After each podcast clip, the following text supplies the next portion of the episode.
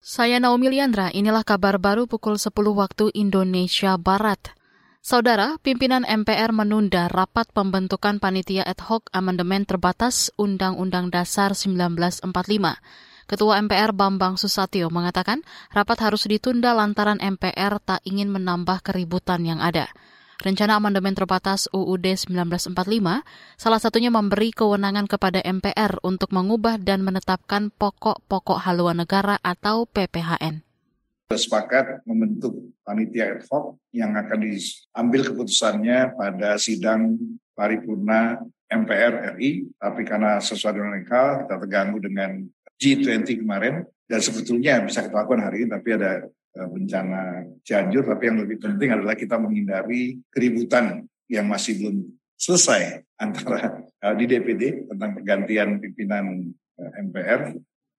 Ketua MPR Bambang Susatyo mengatakan sedang menunggu kepastian hukum soal gugatan Fadil Muhammad yang diberhentikan dari kursi wakil ketua MPR oleh ketua DPD Lanyala Mataliti. Saat sidang tahunan MPR Agustus lalu, Bambang menjamin PPHN tidak akan mengurangi sistem presidensial yang telah disepakati bersama.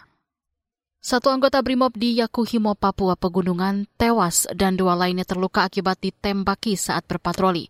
Insiden itu terjadi pada Rabu sore lalu. Juri bicara Polda Papua Ahmad Mustafa Kamal melalui keterangan tertulis mengatakan korban tewas Gilang Aji Prasetya mengalami luka tembak di wajah, sedangkan korban luka tertembak di bagian punggung. Mustafa menduga pelaku penembakan merupakan kelompok bersenjata. Pelaku menghadang dan menembaki anggota patroli yang menggunakan mobil menuju dermaga Lokpon usai mengikuti apel di Mapolres Yahukimo. Kata Mustafa, sempat terjadi baku tembak antara personil polisi dengan pelaku penembakan. Tim gabungan TNI dan Polri masih mengejar kelompok pelaku. Insiden penembakan ini merupakan yang kedua terjadi dalam dua hari terakhir.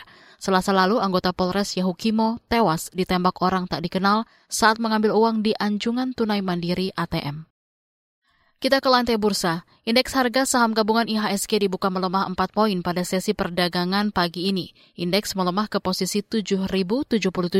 Sementara itu kelompok 45 saham unggulan atau LQ45 juga turun 0,09 persen ke level 1.007. Pada menit-menit awal, sebanyak 1,1 miliar saham diperdagangkan dengan nilai transaksi mencapai 1,14 triliun rupiah. Sebanyak 220-an saham naik, 130-an saham terkoreksi, dan 200 saham stagnan. Demikian kabar baru, saya Naomi Liandra undur diri.